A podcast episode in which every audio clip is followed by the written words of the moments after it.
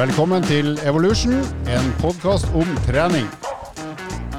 Av treningskjeden EVO.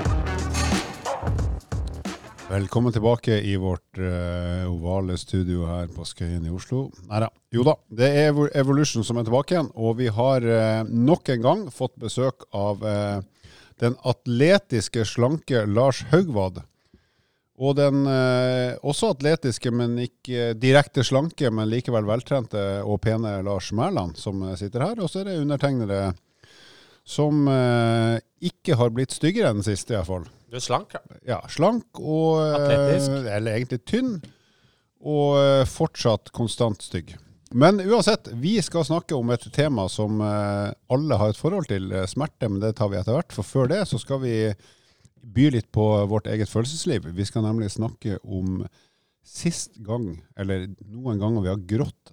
Rett og slett tatt til tårene av store idrettsprestasjoner, store idrettsøyeblikk. Og Lars Mæland, Mm.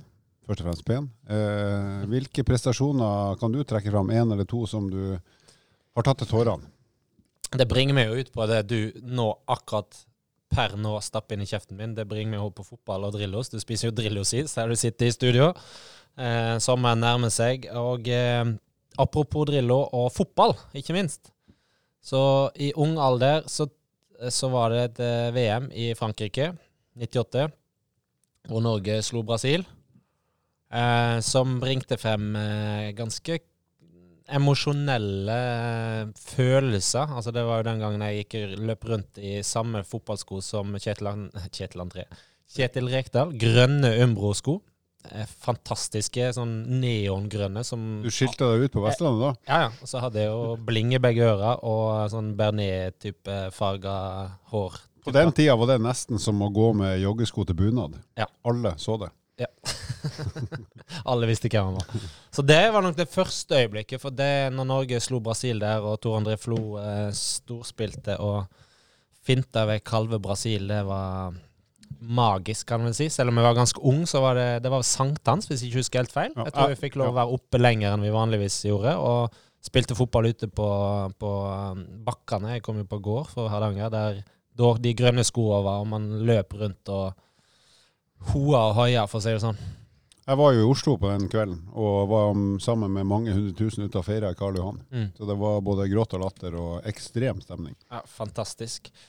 Og så vil jeg ta en i nyere tid. Um, og det er jo jeg har vært så heldig for å jobbe med alpint, og der har jeg fått lov å oppleve egentlig nesten alt som kan oppleves i den idrettsverden. Var kommet til resultat. Og uh, OL, Pyeongchang, er jo alltid sånn OL-greie er jo ekstremt stort. Eh, og i Norge er det jo kjempestort, og ikke minst i andre nasjoner òg. Men eh, OL Pyeongchang så fikk jeg oppleve et OL-gull og et OL-sølv og en OL-bronse, eller to OL-bronser.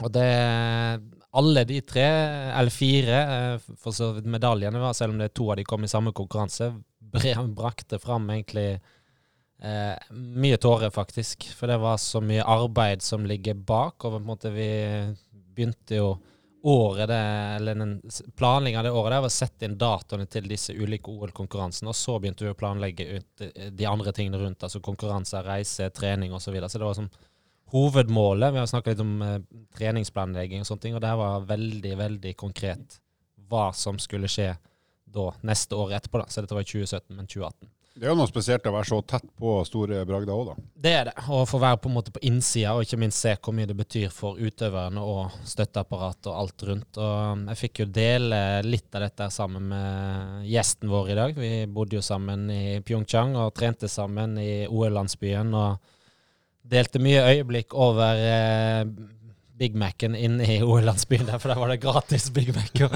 og pizza. Og det benytta du eh, stadig vekk. Yes, det gjorde jeg. Men eh, ja, så jeg vil ikke der, der vil jeg si alle prestasjonene, men kanskje lagkonkurransen, bronsen der, var nok eh, ekstremt høydepunkt. For det så, vi var så underdog som du kan få det, og ikke minst så er det en lagkonkurranse, en lagseier. Så det er ganske kult.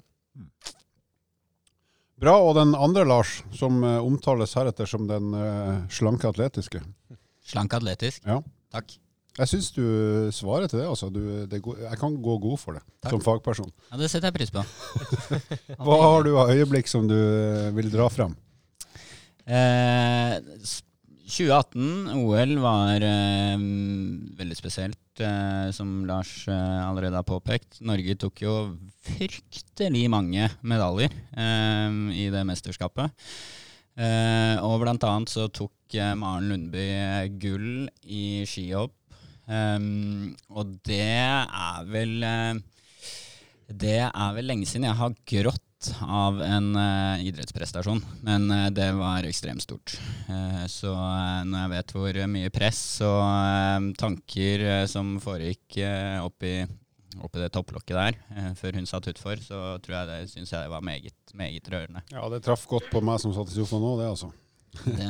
Og så ble jeg rørt i år. Eh, Markus Kleveland jo, ble jo verdensmester eh, i slopestyle i Aspen. Um, og det er to år etter at han uh, fikk en skade i et kne som uh, jeg tror de som var til stede og har sett det som har skjedd, tenkte at han egentlig aldri kom til å komme tilbake fra.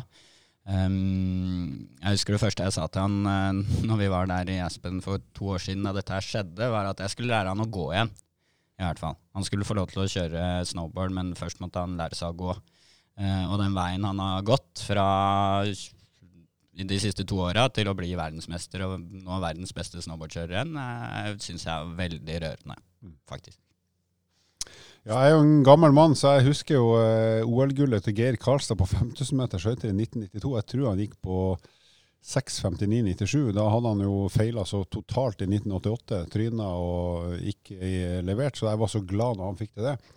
Så da satt jeg og grein eh, for meg sjøl eh, når han gikk i mål. Og så eh, har jeg jo 2018-minner, og jeg jobba i Skøyteforbundet før, så når gutta tok OL-gull på lagtempo, og Håvard Bøkko fikk en gullmedalje han virkelig fortjente, så syns jeg det var svært. Og ikke minst Håvard Lorentzen som vant 500 meter sprint, som er helt uhørt av en nordmann.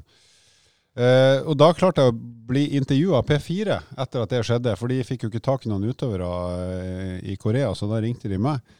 Så da begynte jeg å grine på direkten på P4, og det opptaket der det gikk hele dagen på P4-nyhetene. Så jeg tror uh, relativt mange fikk med seg at det var en lettrørt generalsekretær som var veldig glad. Det skal vi få tak i. Dere skal få høre det ute på sosiale medier. jeg hadde ikke sjans. Jeg, bare, jeg ble rørt av meg sjøl for en gangs skyld når jeg snakka om en stor bragd, så det var litt stas. Så vi har følelser, vi òg, selv om vi ser eh, kanskje ikke skumle ut, men eh, vi er menn i vår beste alder.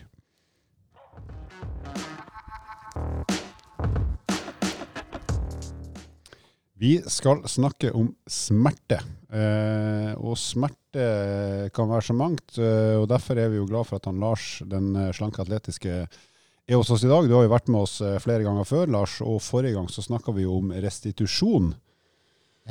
Nå skal vi jo touche inn på smerte, så det kan jo ha en viss sammenheng. Vi skal i hvert fall prøve å koble det litt sammen eh, sånn underveis. Eh, men hvis vi begynner så bredt og åpent som mulig, hva er egentlig smerte? Og da tenker vi ikke da på kjærlighetssorg, men mer eh, kanskje av den fysiske sorten.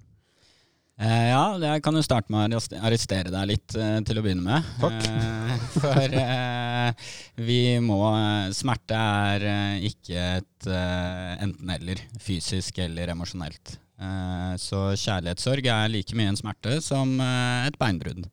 Eh, så det er punkt én. Smerte er en opplevelse som vi kun opplever når vi er våkne og bevisste. Det er en følelse, en opplevelse på lik linje som at vi føler at vi er tørste, er sultne. Og det gjør at vi endrer atferd for å overleve. Så eh, hver dag når du eh, står opp og går og tar deg et glass vann eller spiser frokost, så gjør du det fordi du er sulten, og fordi din organisme vet at den overlever ikke uten mat og næring. Um, på lik linje, hvis du har vondt et sted, så endrer du atferd for å komme deg vekk fra den opplevde smerten, slik at uh, organismen lever videre. Så f.eks. har jeg knekt foten eller har vondt i foten, så prøver jeg å unngå å belaste den? Typ. Riktig, ja. Men hva er det likevel som skiller tenk, ta, si kjærlighetssorg eller sult fra f.eks. det å ha fryktelig vondt i muskulaturen eller ha knekt en fot? Det må jo være noen forskjeller her? Ja, det er eh, selvfølgelig forskjeller i det å ha en akutt smerte eh, som eh, gir et eh, som gir et uh, kjemisk stimuli som stimulerer nerveendinger som går inn i ryggraden, opp i pannebrasken, og som gjør at vi opplever et svært ubehag. Fremfor eh, smerte og ubehagelige følelser som kan komme ved depresjon eller kjærlighetssorg. For eh, smerte som vi kjenner det i pannebrasken, det nevnte jeg også i den episoden om eh, restitusjon, at det blir trigget primært av tre typer stimuli. Det ene er eh, hardt trykk, eh, og det har vi alle opplevd hvis vi har eh, blitt stukket med en kniv, eller stukket oss på en gaffel eller på en nål. Da. Slått ned. Slått ned, ja. Mm. Veldig hardt trykk, det fører til en opplevd, eller aktivering av nervene, som kan føre til, kan føre til opplevd smerte. Kjemikalier som vi kan få f.eks. ved et vepsestikk, eller en betennelsesreaksjon, hvor vi får kjemikalier i blodbanen, de vil også stimulere disse nervene til å lage et elektrisk signal som går inn i ryggmargen og opp i pannebrasken, og som kan føre til at vi opplever smerte. Og så er det temperatursvingninger. Så veldig varm temperatur, eller veldig kald temperatur, kan også stimulere til et elektrisk signal i nervene som går inn i ryggmargen og opp i pannebrasken, som kan føre til at vi opplever smerte. Type hoppe i kaldt vann. Hoppe i kaldt vann. Mm. Og da er jo kroppen slik at uh, umiddelbart så blir disse nervene stimulert. Vi opplever et ubehag. Og så uh, tilpasser kroppen seg de signalene, som gjør at fyringen fra signalene blir lavere. Altså styrken til Styrken hjernen, til, ja. til hjernen den eh, normaliseres og blir svakere. Sånn at etter hvert så er det ikke så vondt lenger. Da må jeg spørre, når du er på det her, hvorfor er det da så ulik reaksjon? Altså Hvis vi tre hadde hoppa i iskaldt vann, Ja. eh, så er jeg sikker på at vi hadde selvfølgelig syntes det var kaldt og, og skjønt at her er kaldt, men vi hadde vel opplevd helt ulikt på hvor ubehagelig det er. Absolutt. Og det er eh, helt fundamentalt for det å oppleve smerte. Det baserer seg på erfaringer eh, og kultur og egne opplevelser og forventninger til hvor ubehagelig det er. Så hvis Lars den kjekke hadde, kjekke hadde drevet med SJ, ja, du, du la merke til det. Fra Groruddalen. Vi hadde ikke så mye norsk grammatikk på skolen. Vi prøver bare Ja, nei. ungdommelig og trendy. Ja, vi hadde mer urdu på skolen vår. Um, det, hvis eh, Lars, eh, den atletiske, breie, hadde drevet med isbading hver morgen før han gikk på jobb, så har han god erfaring med det. Han vet hva han kan forvente, og det er noe han har gjort eh, mange, mange ganger. Eh, kontra meg som eh, ikke har isbada så mye, eller det er veldig mange år siden i hvert fall, eh, som ikke helt hadde visst hva jeg kunne forvente. For meg så hadde det vært en mye mye mer ubehagelig opplevelse, i og med at jeg ikke hadde vært tilvendt den opplevelsen, eller det stimuliet på huden i blodårene, kontra Lars den atletiske. Og det er jo litt, hvis vi kommer inn på, på idrettsprestasjoner, da. Se på Northug i utholdenhet. Det er vel ingen som har klart uh, å presse seg selv så ekstremt inn i ubehag som han gjør. Men han vet jo at den femmila, den tar slutt etter fem mil. Så han vet hvor lenge han skal gå med det ubehaget, og han har en klar forventning på når dette her tar slutt. Ergo han klarer å presse seg og tåle mer når han står i det. Ja, for han, han vet at sluttpunktet kommer, Riktig. og det Han, kontrollerer han sjøl det måte. kontrollerer han selv. Og han vet jo også at han kan gi seg når som helst. Eh, Det er helt frivillig å gå femmila i Kollen, eh, og han kan stoppe når som helst. Er det noe av det man lett kan kalle for vilje, selv om det kanskje er litt overfladisk? Ja, jeg tror vilje. Vilje og fokus. Eller guts fokus? Ja. Ja. Mm. Og så har du en annen uh, situasjon hvor du har uh, en uh, som har brekt et bein for første gang, eller tråkka over. Jeg hadde en pasient i går, utøver. eh, en av Norges beste i sitt slag. Hadde aldri tråkka over før. Var helt rådvill, kjempevondt. Ante ikke hvor lang tid det tok. Kjempebekymra. Og det er jo klart at da er jo opplevelsene av det overtråkket ganske, ganske mye verre enn hvis han hadde gjort det flere ganger. Fordi han visste ikke hva han kunne forvente av hvor lang tid ube at han måtte stå i det ubehaget. Vi kobler jo ofte eh, smerte, iallfall i vår verden, både som personlige trenere og fysiske trenere og, Mm. og behandlere, opp mot usikkerhet, i hvert fall i, Mm. i en prestasjonsøyemed. Um, og som sagt, jeg ser det ofte på gulvet på treningssentrene òg, Mm. fordi man kjenner etter noe. Og vi har vært inne på at eh, folk responderer og kaller det uttrykket ulik eh, styrke av smerte. Så den usikkerheten, hvis du skal gi noen konkrete tips til hvordan man skal gå frem i forhold til det ubehaget eller det man, man har opplevd på kroppen sin. da. Um, Ut ifra han som da tråkker over, f.eks. Overtråkk er jo et normal greie som Mm. veldig veldig mange opplever. Bør oppleves. Ja. det, ja. Eh, hvis du har noen konkrete tips, hvordan håndtere det, eller hvordan har du eh, praktisert det med utøvere og normale folk?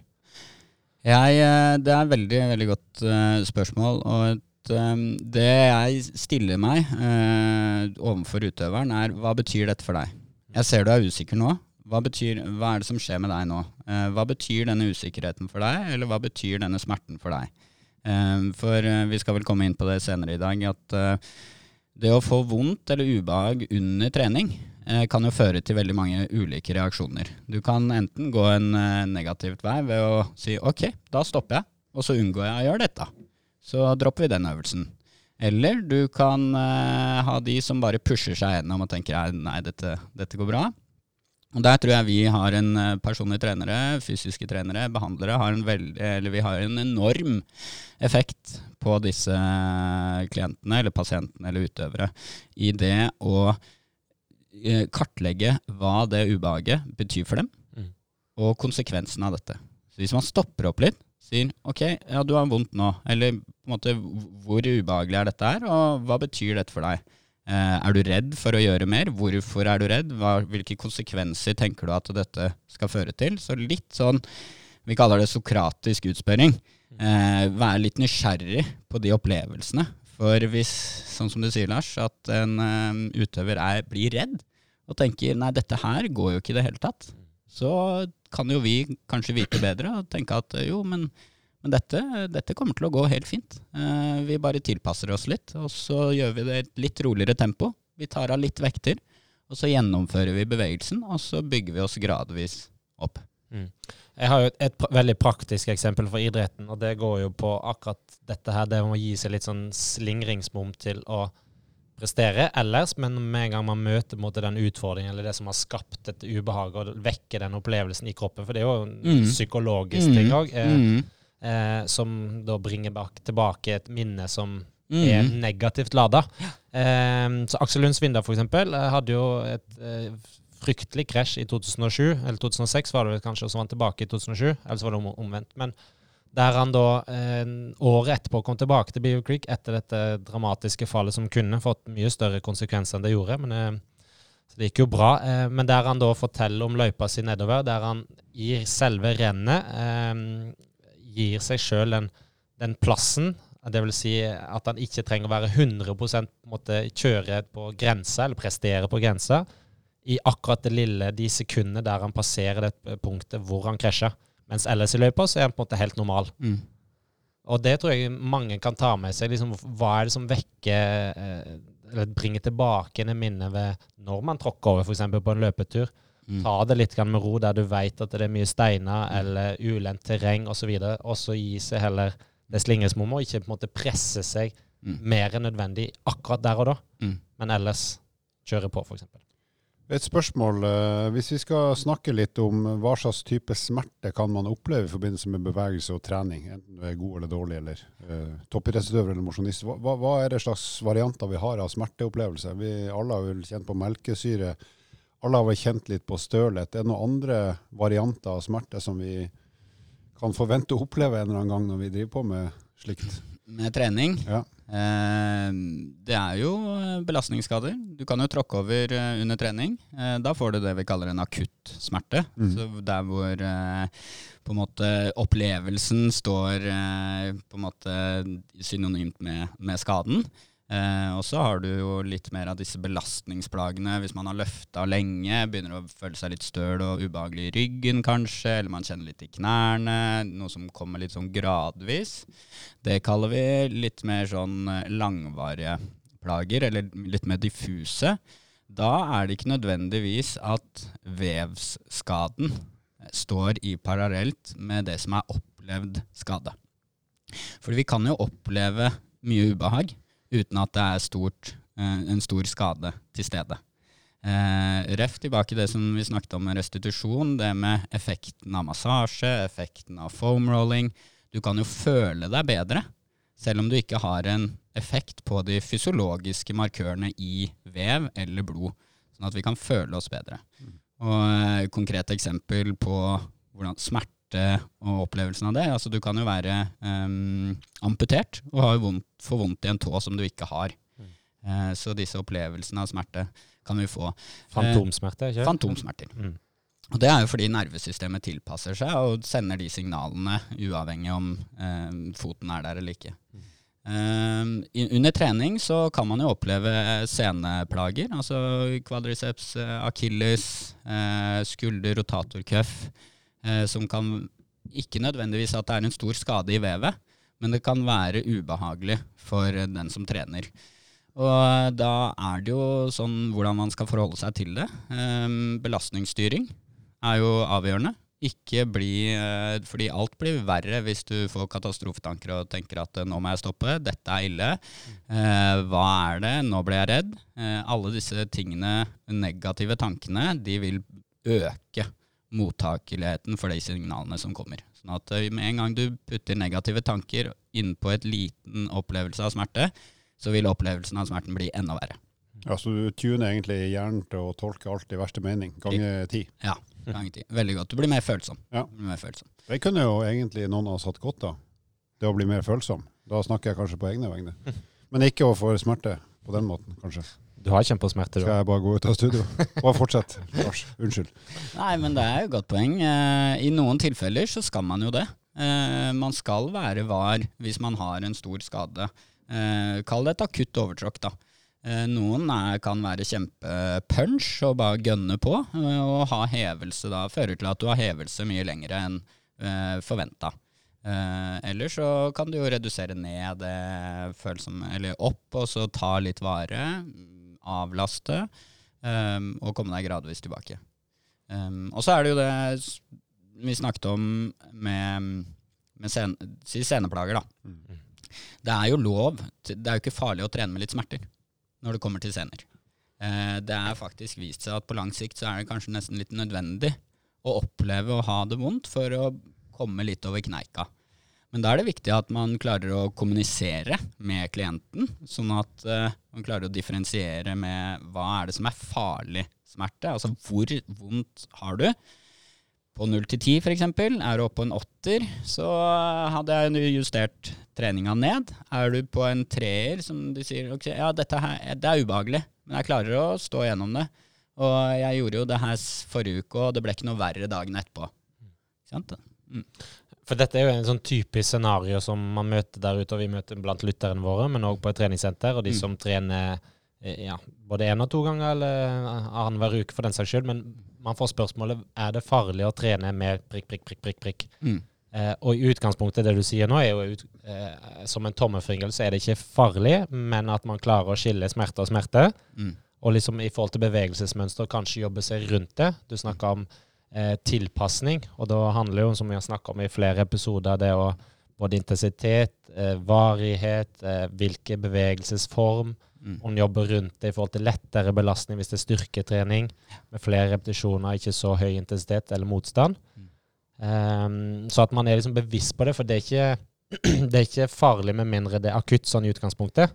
Kan vi ikke ha det som en liten sånn tommefingerregel? Eh, absolutt. Ja. Kan ta et eksempel fra eget liv. Jeg får jo ofte vondt i korsryggen. og det er klart Når jeg har reell smerte der, så går jo ikke jeg inn og trener knebøy ja. eller løper hardt og fort. Da velger jeg kanskje lipsemaskin eller sykkel, som vi snakka litt om i restitusjonen. Og så gjør jeg andre øvelser for beinet der jeg ikke trenger å, å belaste korsryggen, som, en, som, som eksempel. Ja.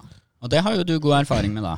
Det fungerer greit, men liksom, da er det lavere belastning og en helt annen bevegelsesform, så da har jeg egentlig ikke vondt. Men det hjelper meg egentlig i kalde restitusjonen. For da ok, si at jeg går på ellipsemaskinen, da får jeg jo rotert litt på ryggsøyla, som i hvert fall ikke er negativt for den muskulaturen som, som jeg har vondt i. Og så mm. er det en del av de tinga som for min del i hvert fall fungerer, og som jeg objektivt sett tror er ganske smart, istedenfor å utfordre smerten og bli enda verre. Som jeg jo har prøvd i yngre dager, uten mm. at det var så smart.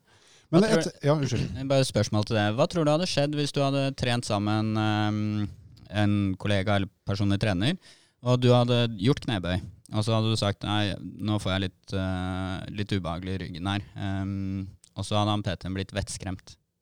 og sagt ok, ok, nå må du, nå må du stoppe. Uh, nå må du gå og få undersøkt dette her. Uh, nå skal vi ikke trene noe mer.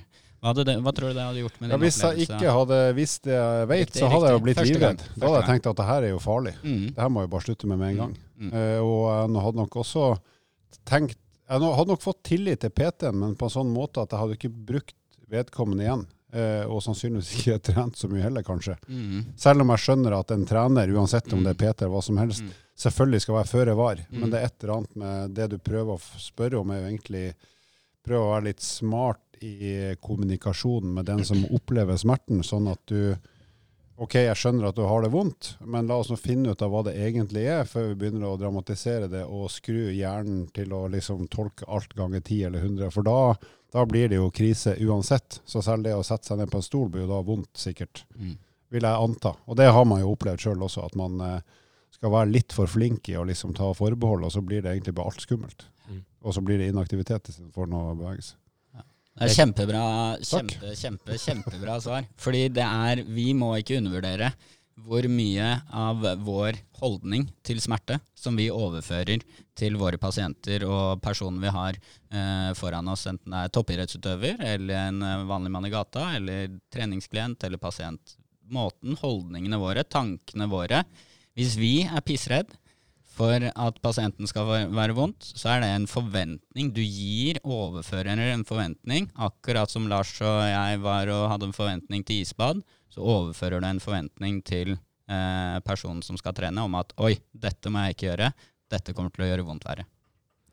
Ja, og jeg er 100% enig. Det, men er du usikker, kan vel vi òg si litt på, så vil jeg jo likevel oppsøkt en kliniker som deg sjøl, Lars, eventuelt en personlig trener eller annet fagpersonell, for å få en grundig evaluering eller tilbakemelding på hva man kan gjøre, for de fleste har jo god kunnskap på det. Og det fins mye kunnskap ute i den digitale verden nå som, som er bra. Og så er det òg Jeg vil slå et slag for kritisk lesning, for det fins òg mye dårlig eller unnskyld, skremselspropaganda der ute, som man da kan legge litt til siden. Um, så man må òg være litt sånn kritisk til hva man leser og hva man hører, så man ikke biter over og tar altfor gode sko. Um, Gode sko. Ja. Joggesko. Fisk. Crocs. Ja, poen, poenget er vel at hvis man i utgangspunktet er litt spennende, hva er det her for noe, har lyst til å finne ut hva er det her for noe, med mindre det er akutt og åpenbart farlig, så er jo det en drøm både for treneren og, og kunden å heller finne ut av hva det er, før Mm. man begynner å, å nivellere reaksjonen sin og tiltak. Ikke sant? Men jeg må spørre én ting. i til, Vi snakker jo ofte om melkesyre og sånn. Det, det har alle. Det er jo en fysisk smerte, og en, det føles vondt ut òg. Så det, det har nok de fleste opplevd. Men når du løfter tung styrketrening, uansett om du er veik eller ikke, så er det jo ofte ok, Selv jeg, da. Når jeg skal løfte opp mot det tyngste jeg kan, så vil jeg jo Ja, noe sånt. Jeg er vel faktisk på 74,5 nå. Knebøy. Dype. Knebøy. Dype.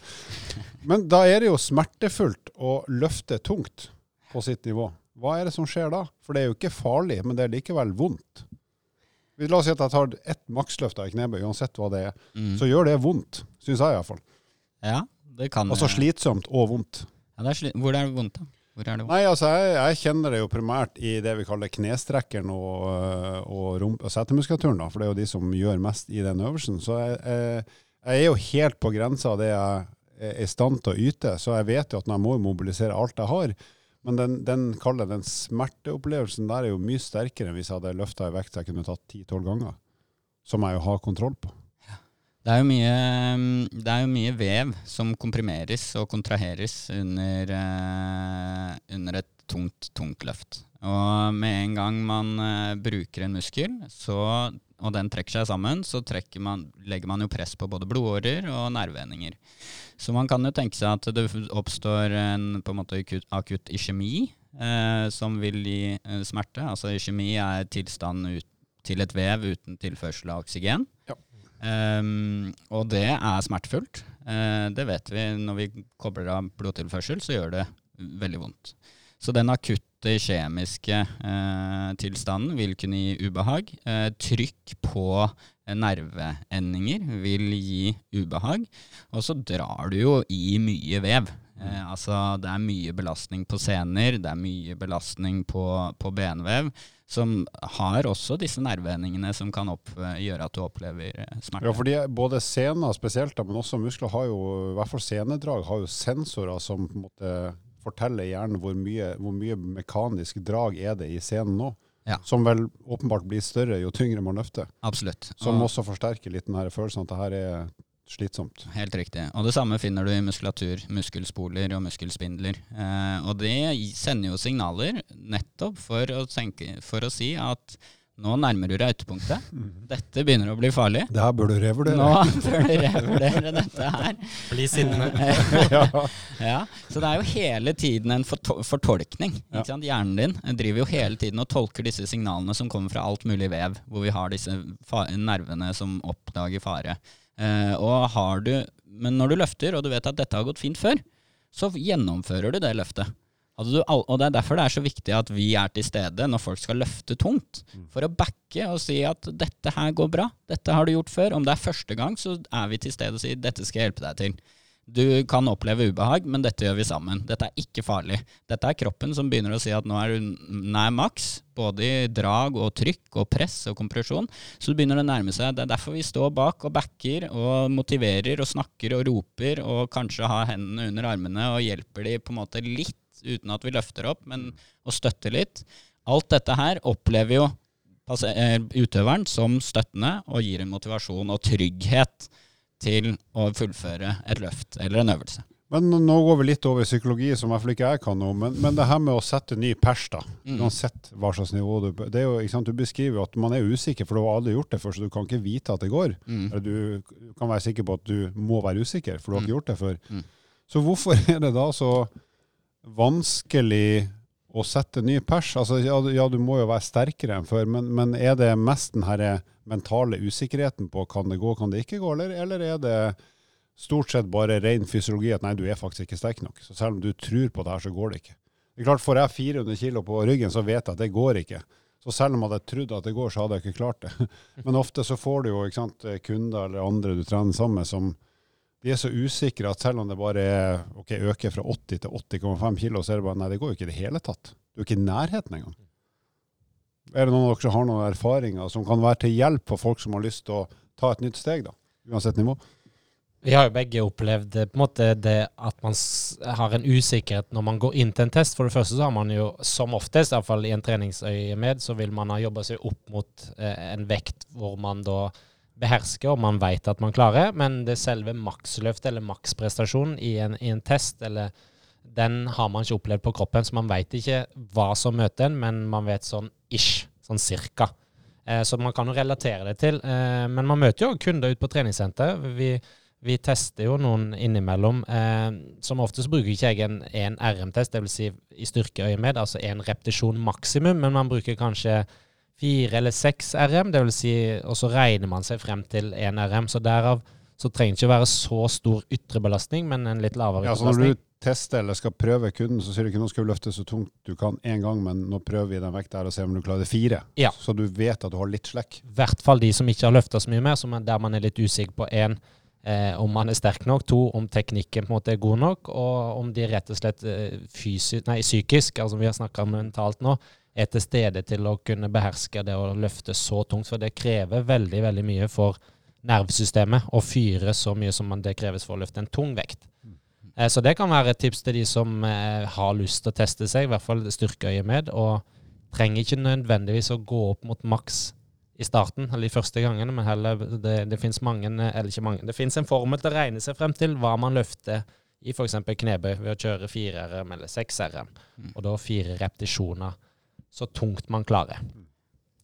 Det tror jeg er den viktigste eh, parameteren rundt det. Og så har man jo en oppgave som trener, eh, og det er jo den mentale delen. Altså det å pushe og presse eh, og legge til rette for at de kun kan fokusere på å egentlig bare gjøre det løftet opp og ned, hvis det er det som skal gjøres. Og den tror vi begge har vært i flere ganger, eller veldig mange ganger, og med, med godt resultat. Mm. Ja, jeg, liker veldig godt eh, det du eh, kommer inn på, det med litt submax-testing for å estimere eh, maks.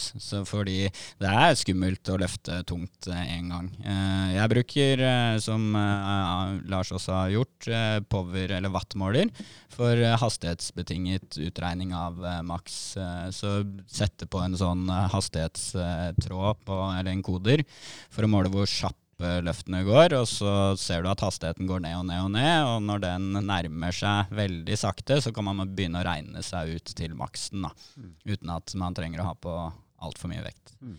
Eh, men når det kommer til det du spør om, om det er en fysiologisk betingelse eller en mental betingelse, så, så syns jeg det er veldig spennende. For jeg hørte et intervju her med en journalist som hadde jobbet med eh, han eh, maratonrekordholderen, som skulle under to timer.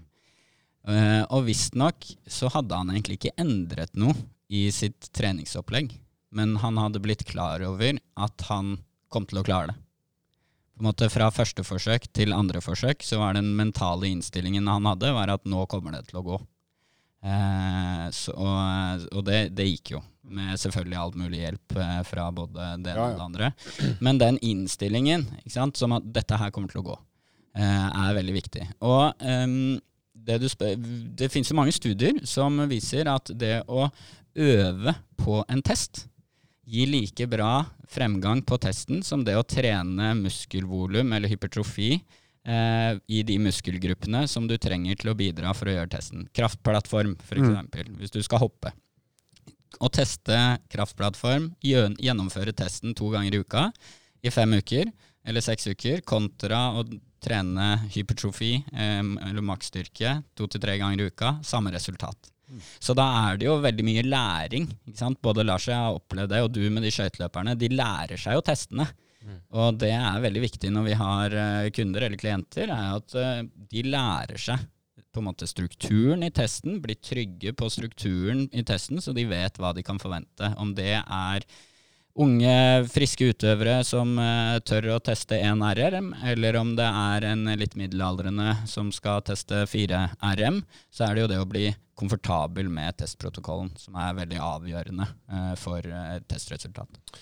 Vi hadde jo en, eh, en spennende gjest eh, for noen episoder siden. Øystein Pølsa Pettersen, som Ja. er fra samme sted som deg, oppe i Groruddalen der. Eh, og han brukte et veldig fint uttrykk som jeg har bitt meg merke i uten å ha tenkt over det eh, så mye ellers i hverdagen. Men det å bygge selvtillit, eller selvtillit på, på bokmål, eh, gjennom prestasjoner, altså, og da er det den daglige treninga. Hver enkelt økt så skal man har man planlagt noe, så skal man gjennomføre det. Du trenger ikke begynne å le nå, Halvor, for det Sa Lars, planleggeren og Uber alles. Yes. Men det å bygge på en måte, den sjøltilliten inn mot en test, f.eks., i og med at det er der vi er nå, gjennom gjentagende repetisjoner, gjentagende treningsøkter, så får man en selvtillit på at dette her, det kommer til å gå bra. Mm. Fordi man veit både mentalt og fysisk at man er klar til å kunne prestere når det først gjelder. Og det er òg det gjennom trenings, eller gjennom eh, idrettskonkurranser eller andre ting, de som skal perse på fem kilometer eller ti Mm. kilometer osv., så, videre, så er det hver enkelt økt, hver uke, det som på en måte skaper den selvtilliten og bygger den selvtilliten, så du kan prestere der fremme. Mm. Her skal du få litt skryt av Lars, for vi planla jo å sykle til ei samling vi hadde i Stavern, Mm. og det gjennomførte vi. Ja. Begge to. Og siste halvdel gjorde vi til og med sammen. Det er en god prestasjon. Ja, var, Jeg, jeg jeg koser meg bak ryggen din. Det har jeg glemt å si til deg, faktisk, men eh, den ryggen og rumpa di Jeg får en rygg. Det som er morsomt, på rumpa di så sto det koffein og sjampo på Stemmer hver sin side av rumpeballene dine. Sykla på med Alpezin Phoenix. Ja. du, eh, Lars Atletisk Slank. Eh, spørsmål om melkesyre òg, før vi gir oss helt med smerte. Mm. Eh, det er jo vondt. Eh, det, går det an å få så mye melkesyre i muskulaturen at det er farlig, eller er vi nødt til å stoppe før det blir farlig? Nei. Så det er jo egentlig bare, hvis du vil, det er bare å gønne på at beina eller noe annet ikke orker mer, for du dør ikke av det. I utgangspunktet, ja. Ja. Du dør ikke av melkesyre. Hva, eh, har du noen idé om hva er liksom det høyeste melkesyrenivået du har hørt om, av sikkert av idrettsfolk som jobber mye annet ropt? Det kan jeg ikke svare på. Ja, for sånn normalt, Vi sier at denne melkesyreterskelen ligger på sånn si 2-3-4 millimol per liter blod, som er en angivelse av mengde melkesyre. Og jeg mener jeg har hørt at noen skøyteløpere, når de har løpt sånne trappeløp som er ekstremt lange, har vært oppe i sånn 18-19. Det har ikke jeg sett sjøl, men det for meg høres det helt hinsides høyt ut. Jeg har, jeg har hørt litt det samme. Og de lever jo fortsatt, Ja. bare for å si det. Jeg tror òg en oppfattelse at det Hvis det ikke dreper deg, så gjør det bare sterkere, for å si det sånn. Sånn enkelt sagt. Men ikke, men ikke hver dag. you, it makes you stronger. Men apropos det, eh, apropos det så syns jeg det er betimelig å ta fram eh, det å trene så hardt at du får abdomyolyse. Ja, det er sant. Fordi det er en smerte som kan være dødelig. Og det skal jeg være klar over. eh, at det er jo veldig trendy å trene til utmattelse, enten hangups eller eh, på en måte dips, eller eh, ting som også etter hvert gir en veldig stor eksentrisk belastning. Ta oss kjapt gjennom rabdo. Hva er det for noe? Rabdo er en veldig stor reaksjon i muskelen som fører til nekrose, at muskelfibrene dør. Når muskelfibrene dør, så skiller, prøver kroppen å kvitte seg med de proteinene, og det går gjennom nyra for å komme ut i urinen. Det du kan oppleve da, er nyresvikt. Eh, mørk urin, luktende urin, pga. at kroppen prøver å kvitte seg med så mye avfallsstoffer fra død muskulatur at du kan få nyresvikt. Og dersom disse oppholder seg i kroppen over lang tid, disse avfallsstoffene, så kan det føre til død. Eh, så det kan i ytterst ytterst konsekvens være veldig alvorlig. Eh, Og hvordan oppstår det? For det her er jo, i hvert fall de som følger med litt med på internett, leser det fra tid til annen, at eh, både kjente og ukjente eh, får det problemet. Hva, hva, er, hva er det de normalt har gjort da, treningsmessig for, å, for at det skal skje? en uvant, ny belastning i veldig stor, eh, med veldig høy intensitet. Og ofte da med sånn mye eksentrisk, tøft arbeid. Mye eksentrisk, tøft arbeid. Ja. Styrketrening. Ja, jeg skal ikke svartmale noe som helst, men øhm, crossfit, etter at det er kommet veldig stort på banen, så har man sett en økning øh, i forekomst av abdomyolyse. Og sånn gjennomgående, da, for å si det veldig banalt, hvis du da, som du sier, hvis du ikke har trent på lenge, eller gjør noe du ikke har trent på, Mhm. la oss nå ta hangups, da, for det er jo et sånn enkelt å forstå. Eh, hvis jeg f.eks. skulle sagt at i morgen så skal jeg i løpet av en time ta 500 hangups. Jeg, jeg er jo i god form, jeg er vant til å ta hangups, men jeg har aldri tatt 500. Jeg tror jeg har tatt på det meste kanskje 100 på en hel økt. Da er jeg i hvert fall helt sikker på at det er en ekstrem belastning for min muskulatur. Mm. Det er ikke sikkert jeg får rabdo, men jeg kan være helt sikker på at jeg har fått en enorm belastning av den muskulaturen som sannsynligvis er altfor mye i forhold til det som er smart, uansett mål. Ja. Med mindre målet er å bryte seg totalt ned. Mm. Så når du liksom får en sånn ekstrem belastningsøkning, og eh, da kanskje kobla med uvante bevegelser og ikke kjempegod form, så er vel det sånn oppskrifta på å få trøbbel. Absolutt. Absolutt. Så det er ikke noe vits å gjøre, folkens. Ta gjerne, og, ta gjerne et løft i treninga og utvikle deg og belaste mer enn før. Det er jo bare gøy, men ikke ta sånne sjumilssteg. Det er dumt, altså. Det har kjempeforebyggende effekt å trene opp gradvis. Ja. Um, og det med stølhet, det tenker jeg um, i og med at, du spurte om det. eh, jeg husker Truls eh, Råstad, eh, professor ved idrettshøgskolen, sa en gang at eh, trener du um, og, sånn at du blir støl dagen etterpå, så har du i utgangspunktet trent for hardt. Mm. Eh, sånn at, eh, og det er jo på en måte sannhet med modifikasjoner dersom du aldri har trent hardt før. Um, men um, han mente jo det, at uh, du, de beste til å tilpasse, da skal det gå såpass gradvis at du, du ikke, ikke skal oppleve den stølheten. Men når det er sagt, så er jo ikke stølhet i utgangspunktet farlig. Nei. Uh, du kan trene med stølhet og ha like god kraft. Fun fact om professor Råstad, som jeg kjenner ganske godt, det er jo at han spilte sentral midtbane på Kjelsås når de holdt på å rykke opp til Eliteserien i 1998. Han var faktisk ganske god. Han ser ikke god ut, men han var veldig god. Jeg var reserve, så det holdt. Vi var på samme lag. Kjelsås. Nok om det. Du, vi skal runde av snart på uh, smerte òg, men er det noen ting nå, i, i forhold til Nå har vi snakket om hva du gjør eller ikke gjør treningsmessig, men er det noe kostholdsrelatert som du kan gjøre for å redusere smerte i, i, i, i sånn treningssammenheng? Da tenker jeg ikke, ikke på å altså unngå å brekke foten, du kan ikke drikke melk og unngå det, men altså er det noen ting som kan redusere f.eks. melkesyretrøbbel, eller at det blir mindre vondt i sener og muskler når du løfter kjempetungt. Er det noe som helst kostholdsmessige tiltak å tenke på? Nei. Annet enn det som går på restitusjon, da. Nei. Så det, det har ikke noe å si, sånn sett. Nei, det er eh, mange som tar uh, altså Ensei, Voltaren, da, for å unngå ubehaget. Og løper man langt, så kanskje man tar litt Paracet eh, underveis. Det er jo ikke farlig i seg selv, det er ikke noe jeg anbefaler. Men eh, når man utsetter seg for sånne ekstreme maraton-ultraløp, så er det nok av som tar et par Paracet uten at det er farlig. Men hvis vi, hvis vi nå, de som er ivrige og tenker jeg skal trene mer, mer, mer, mer, mer, er det da noen fare ved å ta kall det smertedempende eh, medikamenter eller andre stimuli over tid? Ja, det er det. Eh, Voltaren, som er et eh, betennelsesdempende medikament, eh, kan føre til blødninger og redusert tilhelning av vev. Eh, og mageproblemer. Så det samme med aspirin fra tidligere, eller Paracet. For mye inntak av det lang, over lang tid kan føre til ma magetrøbbel og redusert tilhelning. Og kan det da også føre til at man over tid ikke får tak i de signalene som egentlig sendes fra kroppen om at uh, nå er treningsmengden stor nok, nå må du heller roe ned enn å øke? Ja, over tid så vil det gjøre det. Så vi maskerer de naturlige forsvarsmekanismene til å oppdage fare. Så sånn litt oppsummeringsmessig helt før vi tar siste spørsmål, og det eh, jeg tenker kan være lurt for lytterne der ute, å, å skrive ned litt hva som har provosert f.eks. frem en type smerte eller en reaksjon, eh, så man kan lære litt av det. For det tror jeg kan være lurt. Altså rett og slett eh, kjøre type treningsdagbok osv. Selv om ting kan jo oppstå, smerte kan jo oppstå akutt, men hvis det oppskjer eh, over lengre tid ved eh, ensidig belastning eller ensidig bevegelse osv., så videre, sånn at man har litt oversikt over faktisk hva som har skjedd, og hvilke økter man har kjørt, og hvilke treningsformer man har gjort.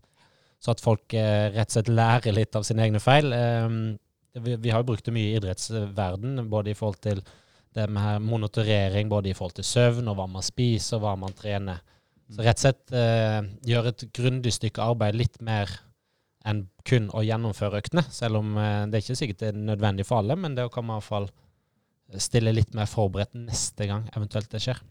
Absolutt. Veldig godt poeng. Det er lettere å lære av sine feil. Mm. Um, bare kort tilbake til uh, hva man kan gjøre underveis hvis man får vondt. Altså pusteteknikker.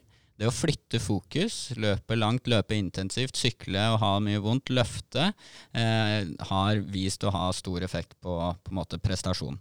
Så det å flytte fokus fra inni kroppen til ut av kroppen med distraksjoner, enten musikk på øret, eller man begynner å telle, eller man begynner å se til neste lyktestolpe, eller å puste rytmisk. Da flytter man hjernens og tankenes fokus fra de indre mekanismene som kan føre til opplevd smerte, til på en måte økt prestasjon. Sette målet utenfor deg selv, utenfor egen kropp.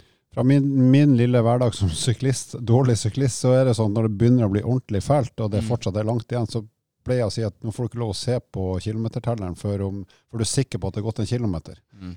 Uh, men da tenker jeg på det likevel, og så lurer jeg på skal jeg se nå, eller skal jeg vente litt til. Og så er det, jeg er så dum at jeg blir distrahert av det, og så venter jeg så lenge at det kanskje har gått to. Og så blir jeg litt glad ja. før jeg kjenner at det blir vondt igjen. Og så må jeg lure meg sjøl på nytt.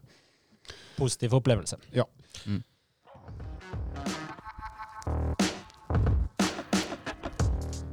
Vi har fått inn spørsmål fra ei eh, dame, eller jente, jeg tror det er en ung dame, som heter Randi. og Hun spør eh, følgende.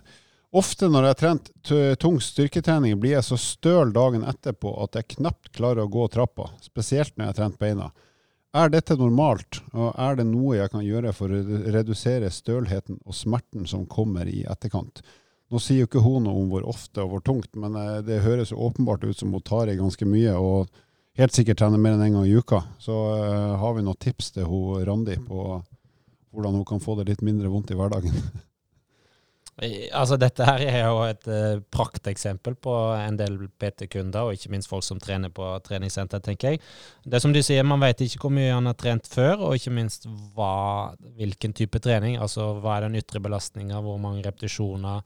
Um, altså rett og slett intensiteten på det. Men um, jeg vil si at det er normalt. Det er veldig mange som opplever akkurat dette. Men som Lars var veldig fint innpå, så det å bli støl er jo ikke farlig. Altså Det er selvfølgelig ubehagelig å reise fra seng eller sette seg på do eller gå ned trappa. Sånn, sånn tilnærmet at man Gå baklengs trappa. Sånn, baklengs, ja. Eh, så kanskje man skal ta et lite steg tilbake, er mitt tips, og zoome litt ut, få litt oversikt på hva man har gjort. Og det er jo den treningen man har gjort som har fremprovosert at man blir så støl. Så kanskje man skal endre litt eh, nye typer øvelser, kanskje få litt mer avstand mellom øktene. Kanskje gjøre noen alternativ trening imellom, om det er noe eh, ellipse eller litt sykling eller andre bevegelsesformer som er mindre støtbelastning på kroppen. Eh, og så er det kanskje det beste tipset, for jeg tipper hun er glad i å trene styrke, og det er rett og slett å Eh, hvis hun har trent tungt, så da trene litt lettere, med litt flere repetisjoner, lavere belastning. Eh, og så kose litt med det, og da få litt variasjon. For jeg tror prinsippet for variasjon er kanskje det viktigste for eh, de som ikke trener så mye. Eh, og da varierer treninga innenfor, innenfor det man ønsker i forhold til målene sine. Jeg støtter det 100% Jeg ville ikke sagt så mye annet enn det. Hvis dere er enige, så har ikke jeg tenkt å være uenig, så da tør jeg ikke å si noe. Men det, det høres så fornuftig ut. Vi har vært for mye sammen, jeg og Lars. Vi har delt for mange Big Mac-er. Vi avslutter med fun fact. og eh, I og med at vi har snakka en del om smerte, så jeg, begynte jeg å tenke på voksesmerter. Og i den forbindelse så fant jeg da på verdens største nett, internett, ut at verdens høyeste mann, som heter Robert Pershing Wadlow fra USA, han var 2 meter og 72 cm høy. Det ble målt offisielt i 1940. Så han må jo ha hatt noen syke voksesmerter i lang, lang tid. Og så En annen ting jeg tenkte på når jeg så det, det er jo at han er så høy at hvis han har stått ved siden av høydestativet når de setter verdensrekord i høyde, så har han stått og kikka ned når de hoppa sånn 2,44-2,45. Det er ganske spesielt. Javier Sotomayor? Ja. ja. Altså Han kan jo stå, han kan jo sette seg på huk og likevel dunke i basketball, nesten. Han har litt lange armer. Svaier du godt, altså. Tenk deg, tenk deg han i motvind, eller sidevind. Ja. Eller på sykkel. Eller på sykkel, Tenk å ligge i rygg der. Han må jo ha den sjukeste rammestørrelsen. Han må jo få sånn spesial... Han kan kjøre tandem. Med tempohjul. ja. Så har han blitt gått fra sykling til å bli sånn flaggskip. ja. Han kunne ha sykla tandem alene og sittet på bakerste sete. Yes, folkens, vi håper det har vært til nytte og kanskje til og med til glede. Fortsett å sende inn spørsmål til oss, og så er vi eh, tilbake igjen om ikke så lenge. Vil du vite mer om trening, abonner på podkasten og sjekk ut vårt treningsmagasin på evo.no.